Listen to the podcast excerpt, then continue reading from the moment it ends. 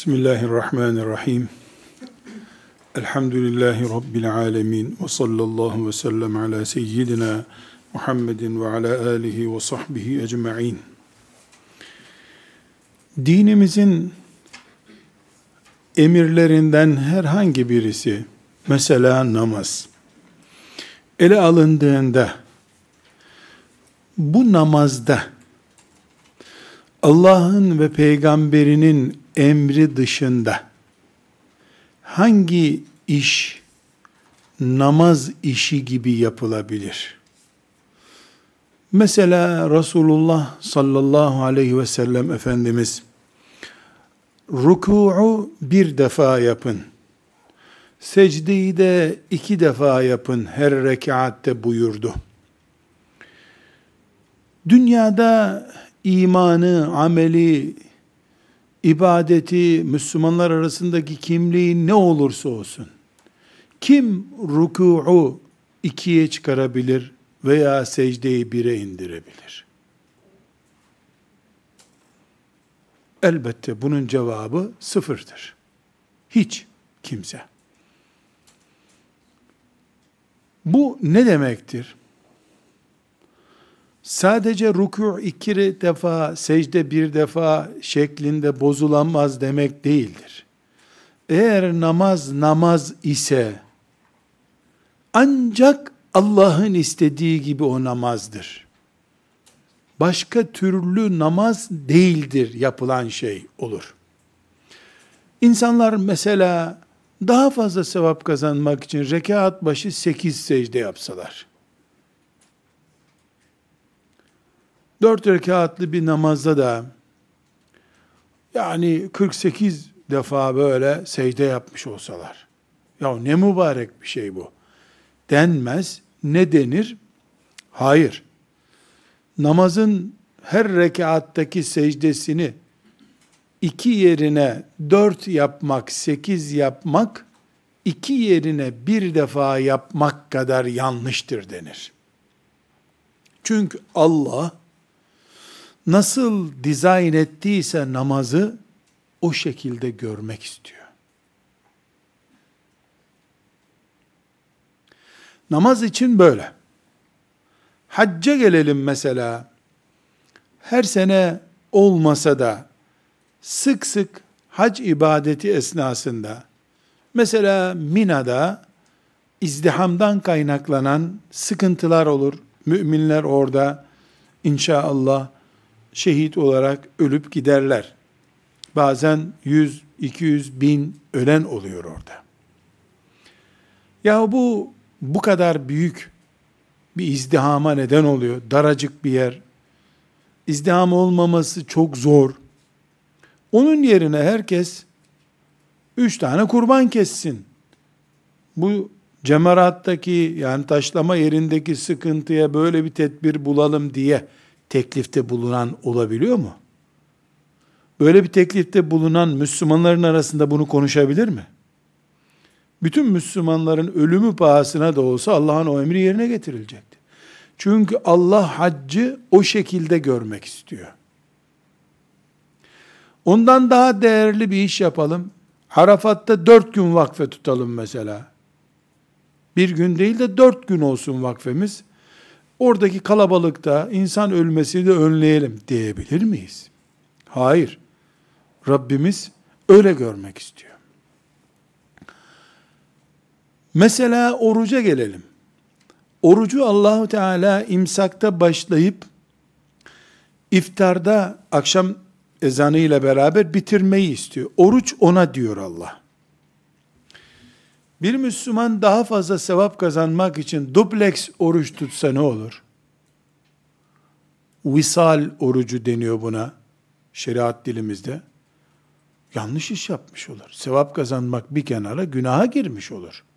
Yani dupleks oruç hiç iftar etmeden ertesi günün orucuna devam etmek. Ne sevaplı iş maşallah ya denemiyor.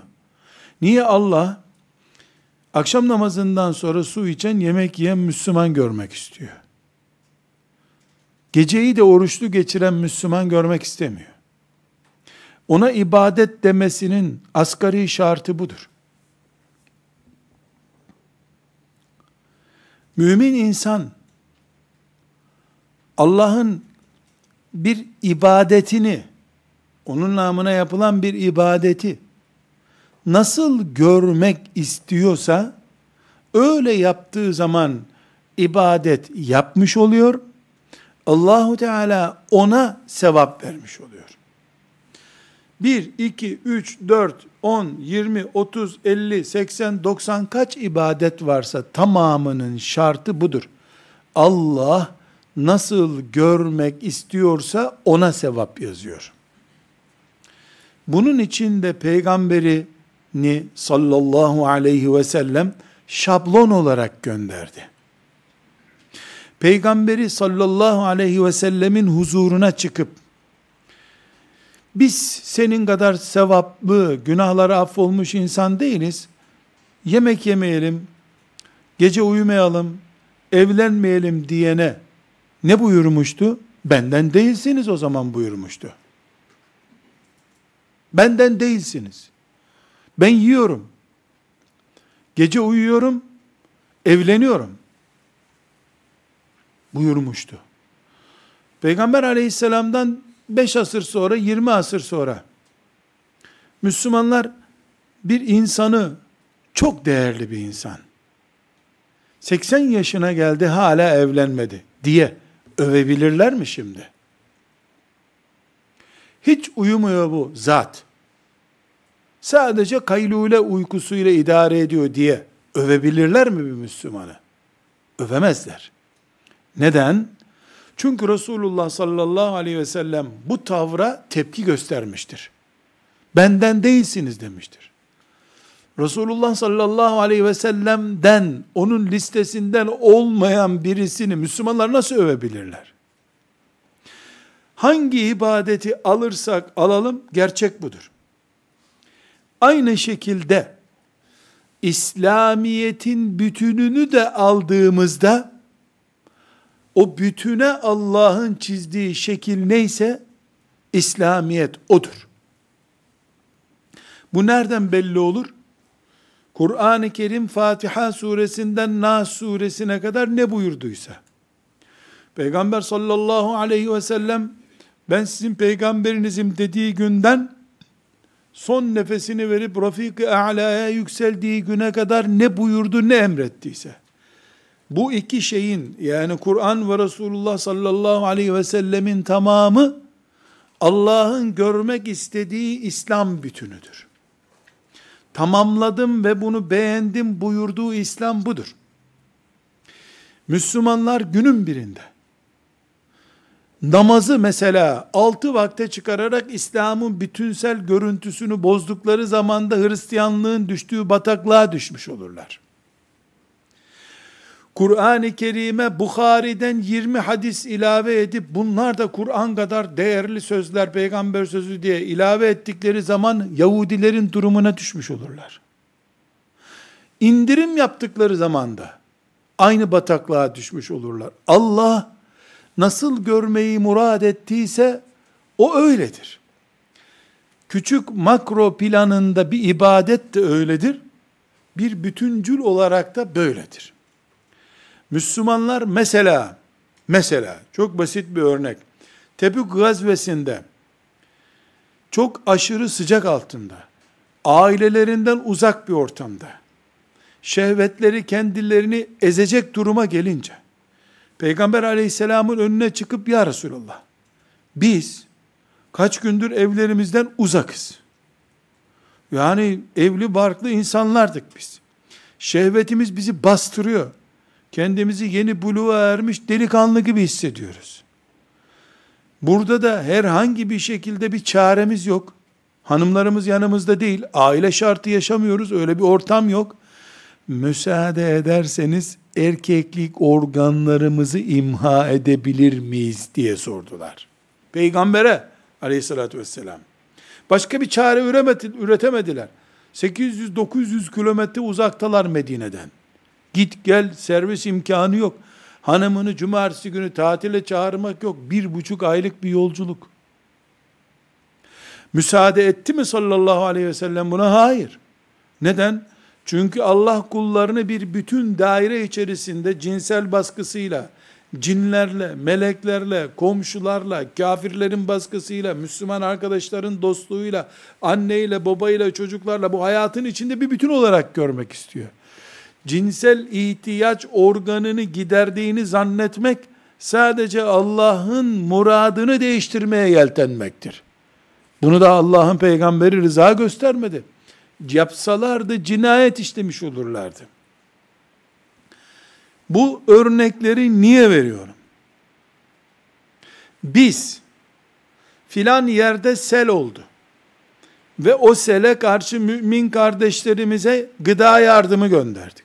Çadır yardımı gönderdik. Bir, filanca mümin kardeşimizin ailesinin zor durumu var. Biz ailece destek olmaya gittik. Filanca mümin öldü, hanımı dul kaldı, üç tane çocuğu yetim kaldı. Kendi evladımız gibi bağrımıza bastık. Filan yerde kafirlerin saldırısı yüzünden üç tane mümin sakat kaldı, onları hastaneye götürdük, tedavi ettirdik.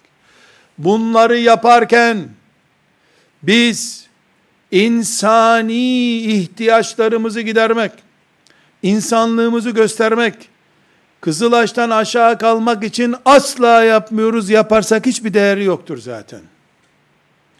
Öğle ezanı okunduğunda beni bir ses nasıl namaza çağırıyorsa ve öğle namazını kılmak için seccadenin başına niye geçtiysem aynı şekilde bir mümin kardeşimle ona yardım etmek için ilgilenirken de bu ilgilenme hangi çeşit olursa olsun, dul bir kadınla, yetim bir çocukla, afet görmüş, hastalık görmüş, babasının sorunu olan, annesinin sorunu olan, küçük çocuğuyla sorun yaşayan, evlenemeyen, evlenip boşanacak olan vesaire.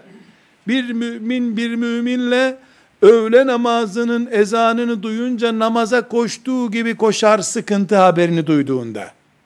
Çünkü Allah'ın görmek istediği o bütün İslamiyet'in içinde namaz nasıl Allah'tan gelme bir parça ise, müminin mümine kardeşlik sergilemesi de Allah'tan gelmiş bir parçadır. İslam'ın bütünü içerisinde onsuz İslam'ın olmadığı bir parçadır.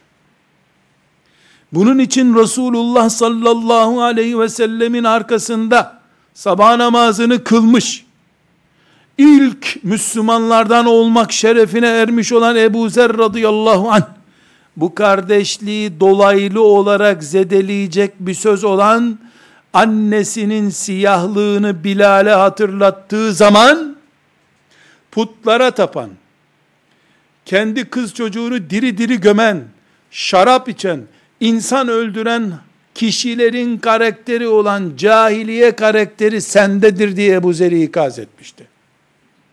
Ebu Zer radıyallahu anh'a sende hala cahiliye var Ebu Zer dediği zaman Ebu Zer putlara tapınmıyordu.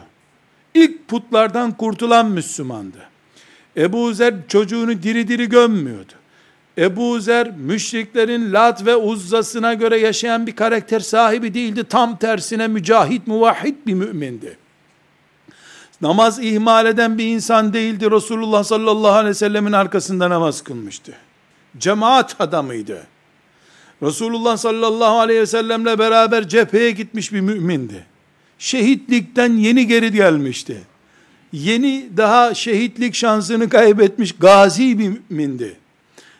Namazı kılmayan, namazı inkar eden, orucu inkar eden, putlara tapınan insanda bulunan mikropla andı onu sallallahu aleyhi ve sellem Efendimiz. Neden? Çünkü Resulullah sallallahu aleyhi ve sellem namaz kılmamayı, puta tapınmayı, oruç tutmamayı, çocuğu diri diri gömmeyi hangi suç listesinde görüyordu? Cahiliye adamı olma listesinde görüyordu.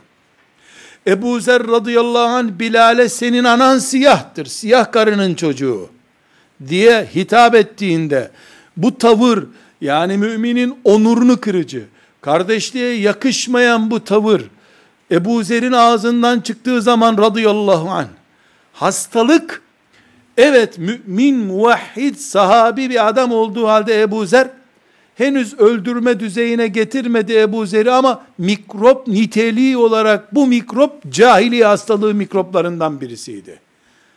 inneke emru'un fikel cahiliye ya Ebu Zer dedi.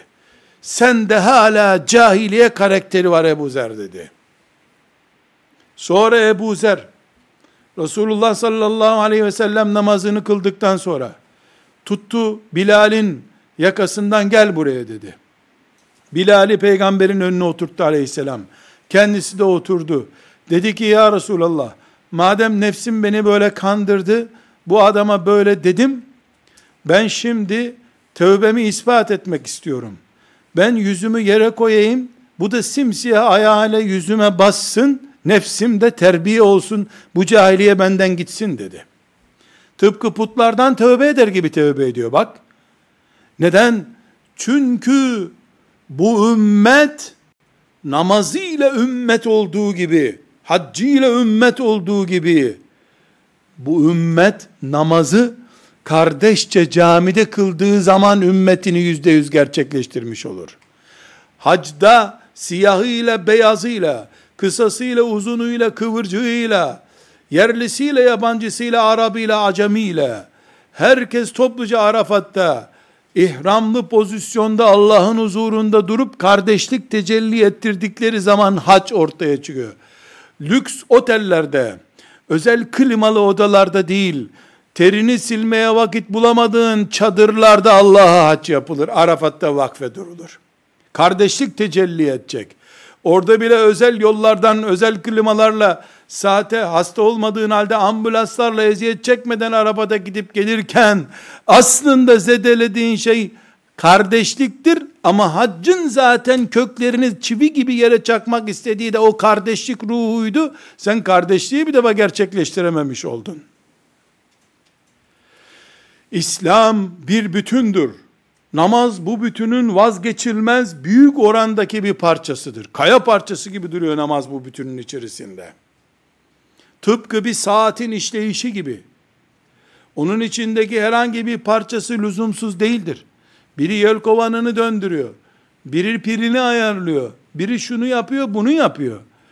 Namaz, oruç, Kur'an okumak, anaya babaya itaat etmek.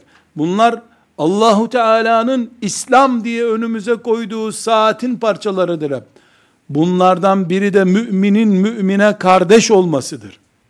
Bu yüzden müminin mümine kardeş olması kesinlikle bir fantazi değildir.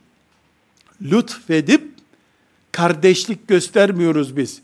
Lütfu ilahi beklediğimiz için kardeşlik gösteriyoruz.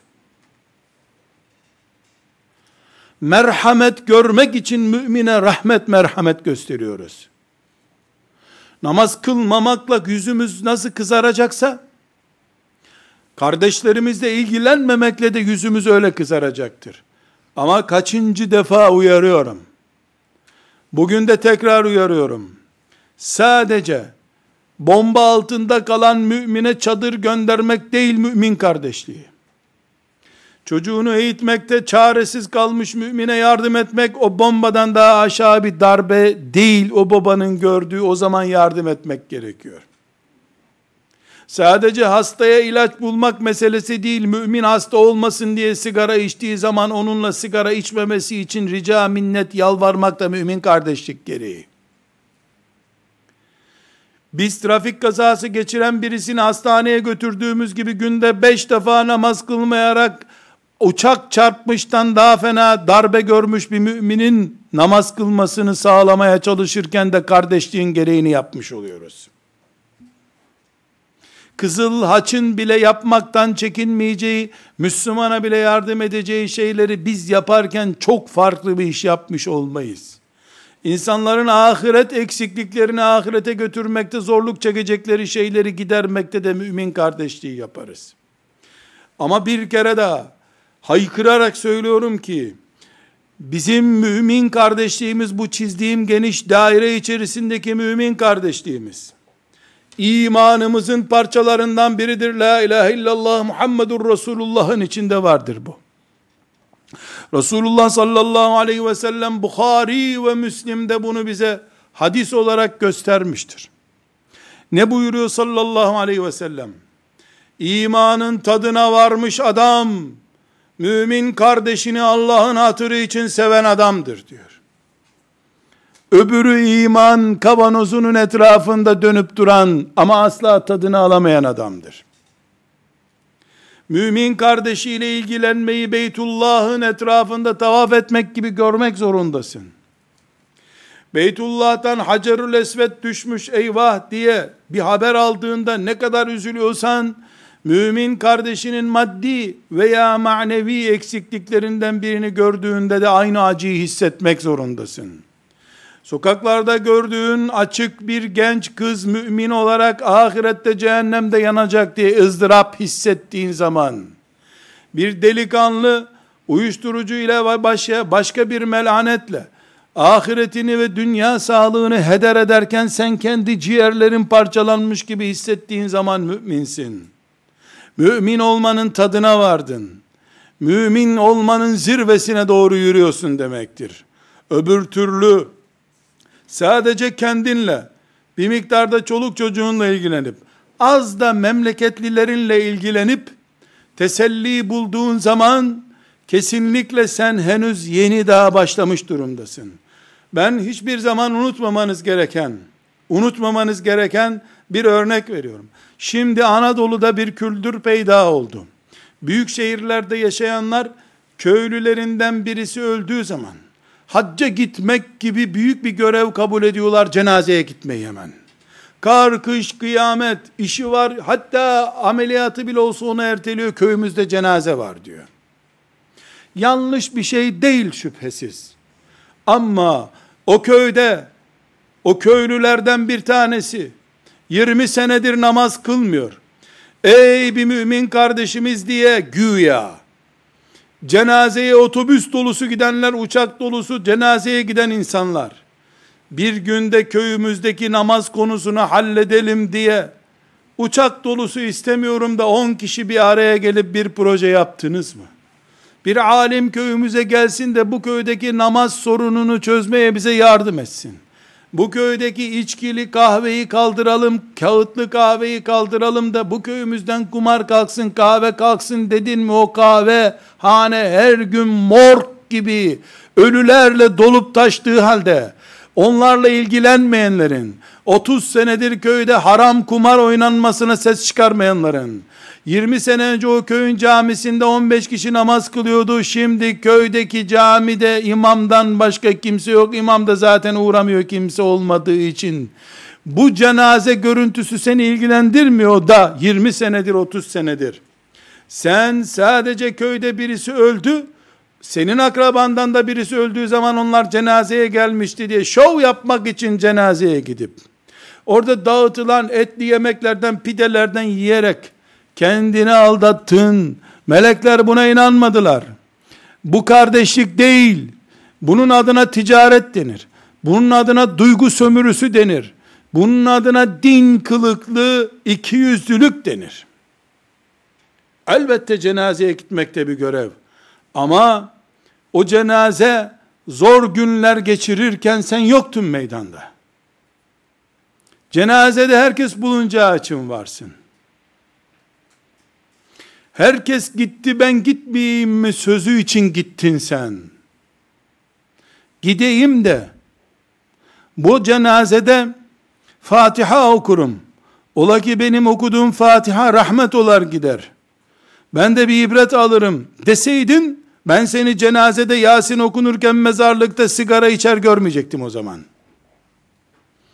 Orada ölünün çektiği sıkıntı anlatılırken tekbirle, İhlas suresiyle üstüne toprak atılırken sen cep telefonuyla iş görüşmesi yapıyordun. İstanbul'dan da akraba cenazesine geldin ama. Niye kendi kendini kandırıyorsun ki? Niye kandırma ihtiyacı hissediyorsun? Hayır. Kardeşliği imanımızın bir parçası olarak görmek zorundayız. Ve sevgili kardeşlerim, asla ve tereddüt etmeden söylüyorum.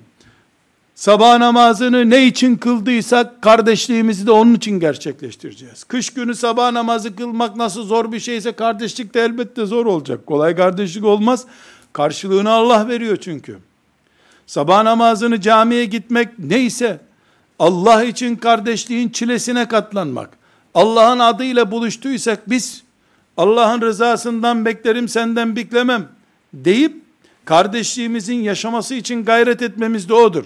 Aksi takdirde Peygamber aleyhisselamın şu hadisi şerifine bir anlam veremeyiz. Ne buyuruyor sallallahu aleyhi ve sellem? Birbiriniz mümince sevenler nerede bugün diyecek Allah kıyamet günü.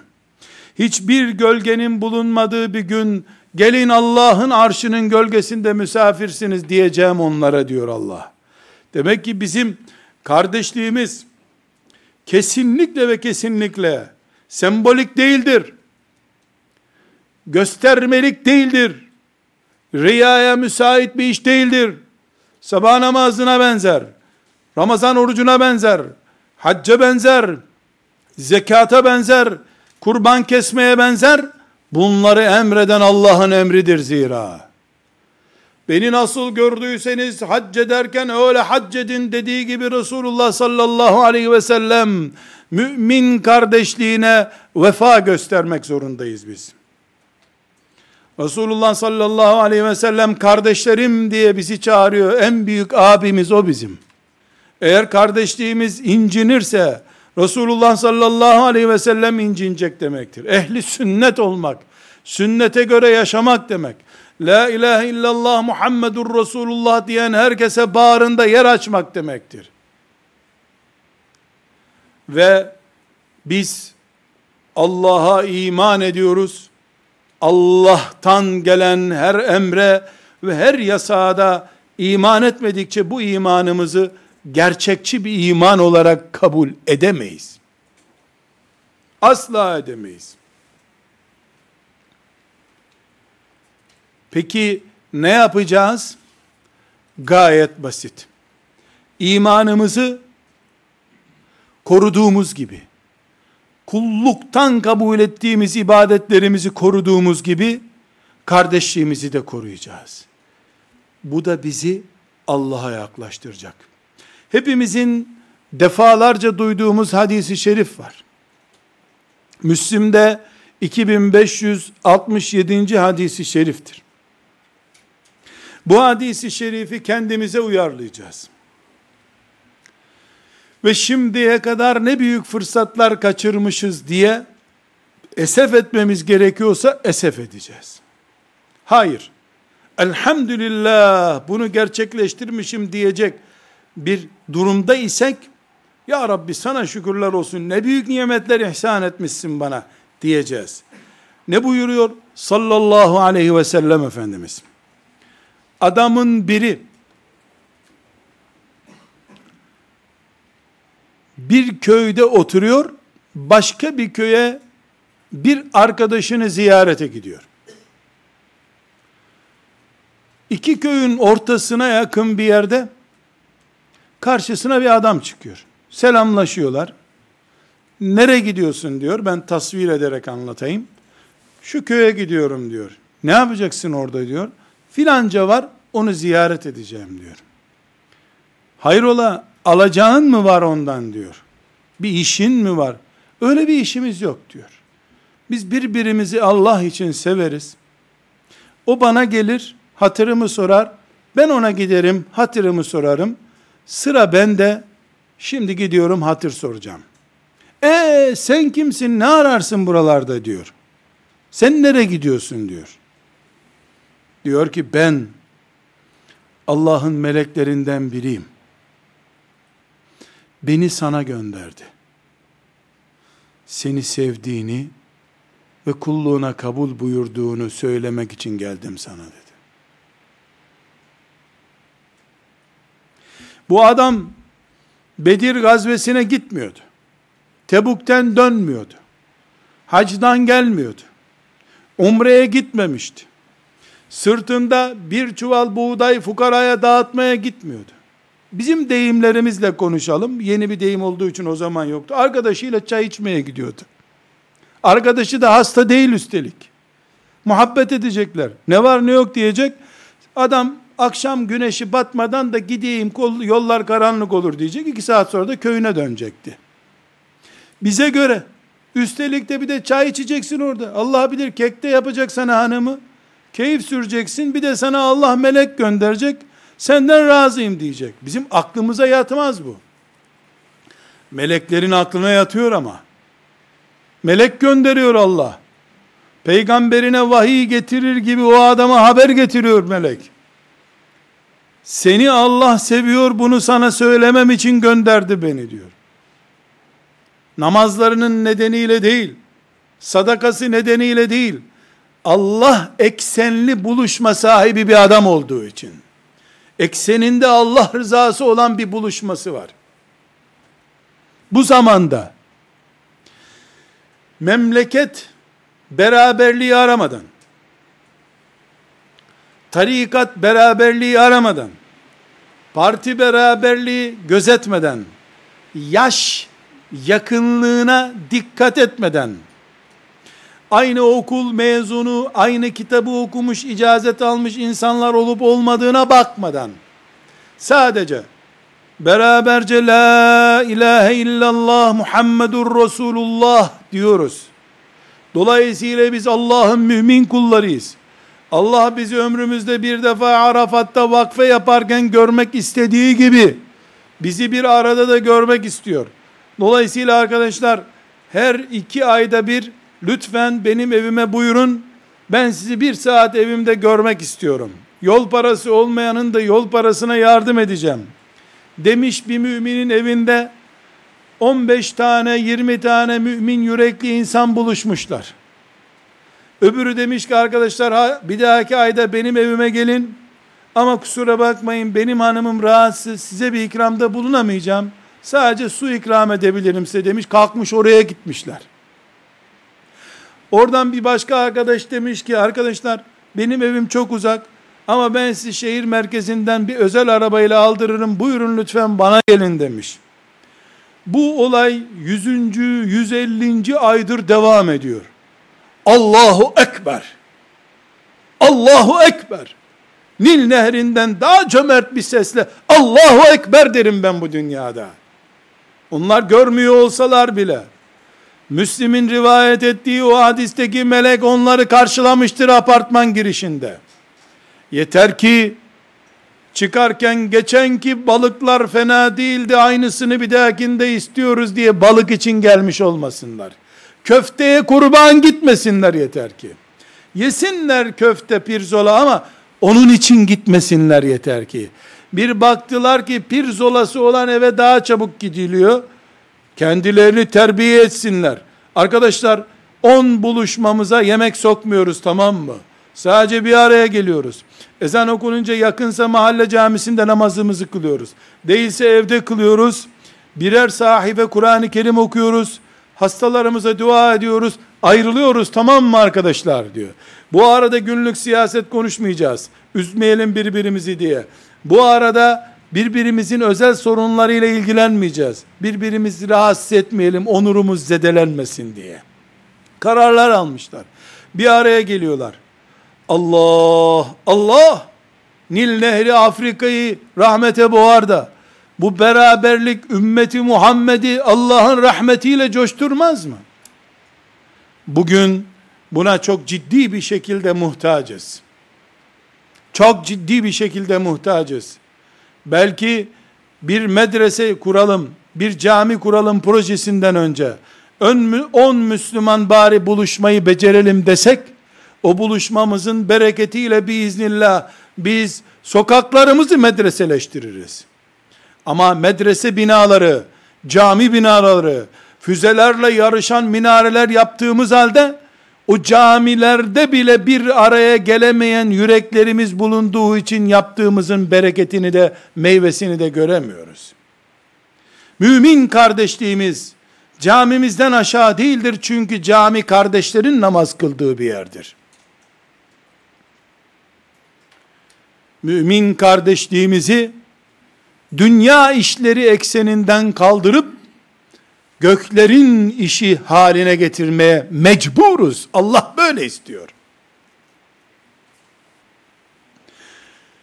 فَأَصْلِحُوا بَيْنَ اَخَوَيْكُمْ ayeti Enfal suresinde çabuk aranızı düzeltin emri Bedir kahramanlarına indi. henüz Bedir'den de geri dönmemişlerdi.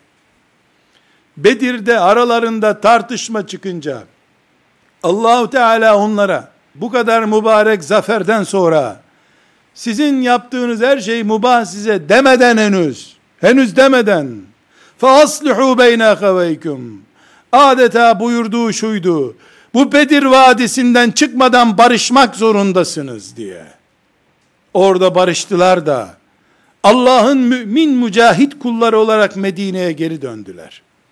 Bedir bile belki onları kurtaramayacaktı orada barışıp geri gelmeselerdi. Şeytan Bedri darbelemiş olacaktı.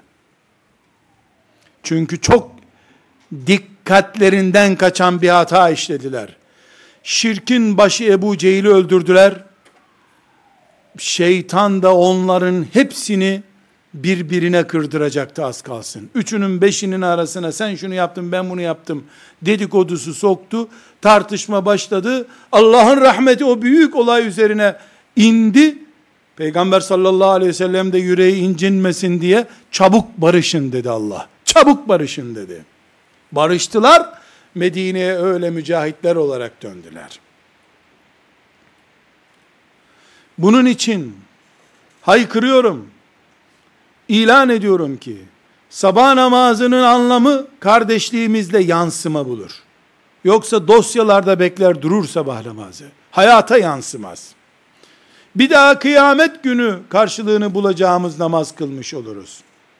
Halbuki biz namazımızın bereketini günlük hayatımızda görmeliydik. Orucumuzun bereketini gündüz şehirlerde hissetmeliydik biz. Hac, hac dönüşümüz bizim. Kıştan sonra baharın gelişi gibi bir mevsim dönüşü olmalı, olmalıydı evimizde. Çevremize bu örnekliği oluşturmalıydık. Kardeşliği gerçekleştiremeyen Müslümanların beton yapılara itimat eden anlayışları geliştirmeleri kurtarıcı olmayacaktır. İnsanlığın bugünkü kadar büyük camileri olmadığı için, yoğun medreseleri, okulları olmadı bugün. Bugünkü kadar geniş kitlelere İslam'ı anlatan hocalık hiç görmedi insanlık. Zavallı ashab-ı kiram, Allah onlardan razı olsun, çıplak ayak gittikleri yerlerde, şöyle bir güneş güneşten gölgeleyecek bir ağaç bile bulamadılar insanlara Kur'an okutacak. Güneşin altında Kur'an öğrettiler. Namaz öğrettiler. Ama ruhama beynehum aralarında merhamet abideleri oldukları için ağızlarından çıkan söz kulaklara girmeden gönüllere girdi. Çoğu insan Azerbaycan'da ne dediğini anlamadı sahabilerin. Tabi'in ne anlatıyor anlamadılar. Başka bir dil konuşuluyordu çünkü. Hatay'a Ömer bin Kattab radıyallahu an zamanında sahabiler geldi. Rum insanlara konuştular. Ne onlar Arapça biliyor ne onlar Rumca biliyor. Ama gönülleri gözlerinden fer oldu, ışın oldu öbürlerinin gönüllerine girdi. Aralarındaki muhabbet diğerlerine taşındı. O kardeşlik kervanına katılmak için didindiler. Elhamdülillah. Böyle bir dinimiz var. Kardeşliğimizin maddi ve manevi değeri budur. Şimdi bunu zedeleyen iblis operasyonlarına karşı biz yeniden yeniden mümin kardeşliğimizi canlandırmamız lazım. Herhangi bir şekilde dinimizin bize emri olan namazı asla zedelemeye razı olmadığımız gibi dinimizin bir diğer emri olan iman kardeşliğimizi de zedelememiz asla kabul edebileceğimiz bir hata değildir. Bunun için biz şahıslarla şahısların hataları arasında fark göstermek zorundayız. Biz yanlışla uğraşmalıyız. Yanlışın sahibiyle değil. Yeryüzünden bid'at kalksın diye mücadele ederiz. Bid'atçıyı öldürme hedefimiz yoktur. Kafiri bile kardeşimiz olmadığı halde başka bir kutuptan olduğu halde hedefimiz kafiri kaldırmak değil küfrü kaldırmaktır. Keşke kafir de mümin olsa diye uğraşmaktır. Kafir kalkar beni çiğnemeden geçemezsiniz derse kendisini helak etmiş olur. Kafiri bile öldürmek değildir hedefimiz. İmha etmek değildir. Olamaz. Ali bin Ebi Talib radıyallahu anh Hayber'de kesin gerçekleşecek bir zafer için sancak verip gönderirken sallallahu aleyhi ve sellem Efendimiz Ali'nin böyle kesin bir zaferle yola çıktığını görünce Ali diye çağırdı. Buyur ya Resulallah dedi. Bak buyurdu bak. Kesin bir zafer için gidiyorsun ama bir kişinin la ilahe illallah Muhammedur Resulullah demesi değil Hayber bütün şu güneşin aydınlattığı dünyadan daha değerlidir bizim için haberin olsun buyurdu. Sen şehir fethetmeye değil gönül kazanmaya gidiyorsun buyurdu. Kafire karşı ölçü budur. Subhanallah. Hatasından dolayı Müslümana karşı ölçümüz nasıl olacak peki? Alkolle mücadele ederiz. Alkolikle değil. Zina ile mücadele edeceğiz. Zinakarla değil.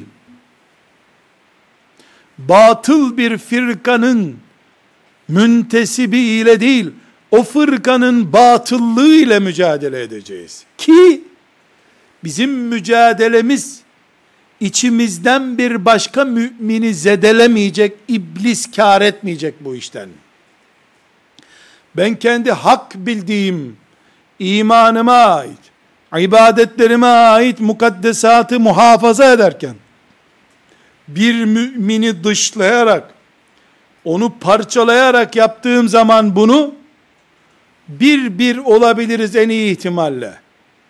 Ben ayakta kaldım, davamı korudum ama, öbürünü de köklü bir şekilde o tarafta bırakmış oldum. Şeytan asla zarar etmedi bundan. Halbuki ben batılı imha edip batıla elini kaptırmış mümini kurtarsaydım Allah kazanacaktı. Hak kazanacaktı. iblis mağlup olacaktı. Elbette Allah için mağlubiyet yok. Ama görünen görüntüyü böyle tasvir ediyoruz. Demek ki bu kardeşliğimizi korumak için çok önemli stratejilerimizden birisi de ben yanlışla uğraşacağım. Yanlış yapanla değil. Evet, yanlış yapan karşıma çıkacak. Yanlışını savunmak için. Ben yine yanlışın ruhuyla uğraşmak zorundayım. Sen ey batıl kafa demiyorum. Bu batıl Resulullah sallallahu aleyhi ve sellemin şeriatından değildir diyorum. Sen ise bunun adamı değil Resulullah'ın adamısın diyorum. Burada yanlış yerde duruyorsun diyorum. Elbette bunu ben sembolik bir kavram olarak kullanıyorum. Hayatın içinden bin bir çeşit örnek buna zikretmemiz mümkündür.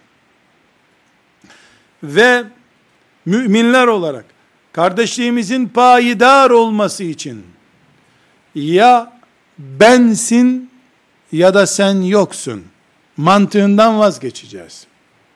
Resulullah sallallahu aleyhi ve sellem'den başka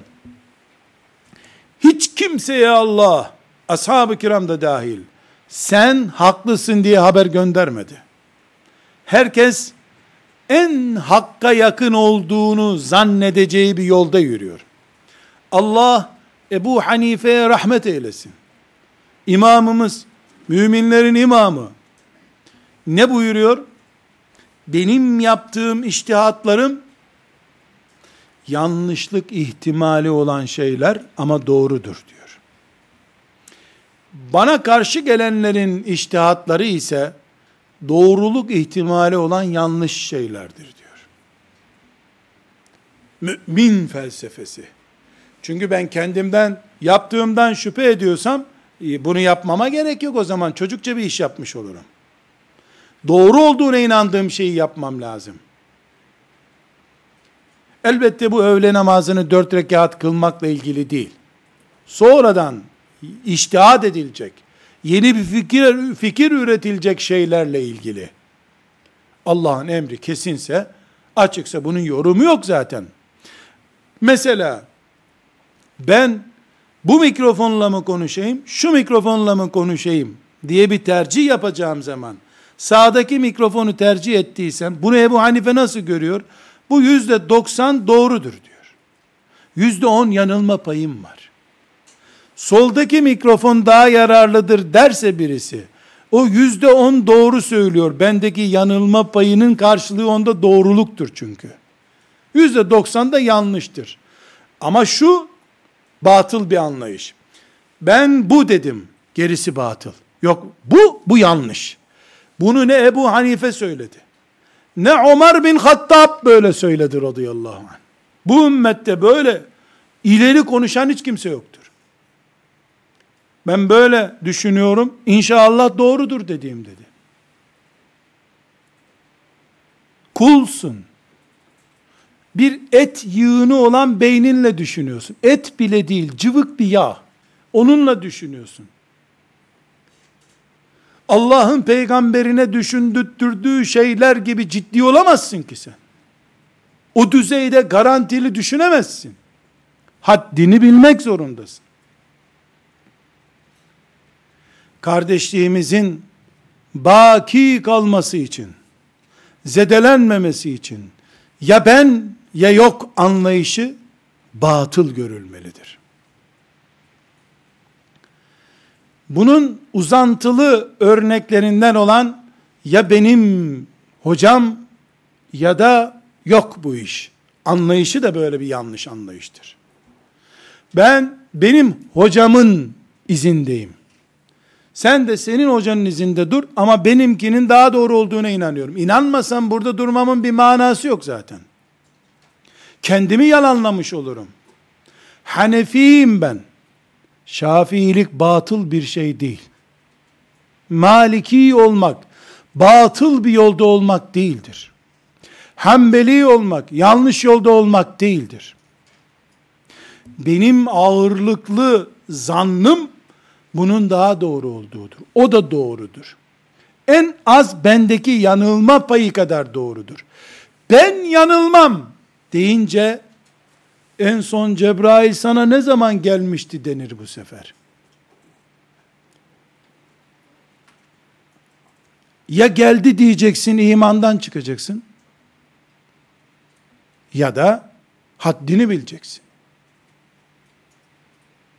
Bugün müminler olarak kardeşliğimizin bu şekilde hayatımıza yansıması için göstereceğimiz gayret Allah'ın izniyle bugünün cihadıdır. Neden? Çünkü niye büyük cihadı yapamıyoruz? Bir arada değiliz. İsrail'e karşı bile birleşemiyoruz. İsrail tehlikesinden daha büyük gruplarımız var.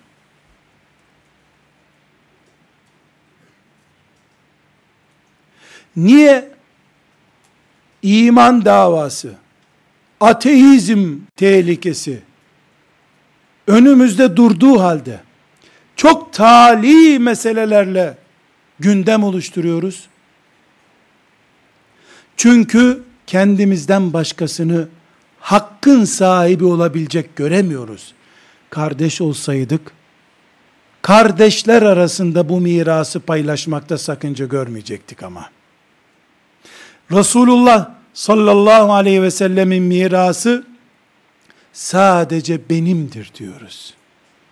Bütün müminlerindir demeye dilimiz varmıyor. Sıkıntımız budur. Yanlışlık budur.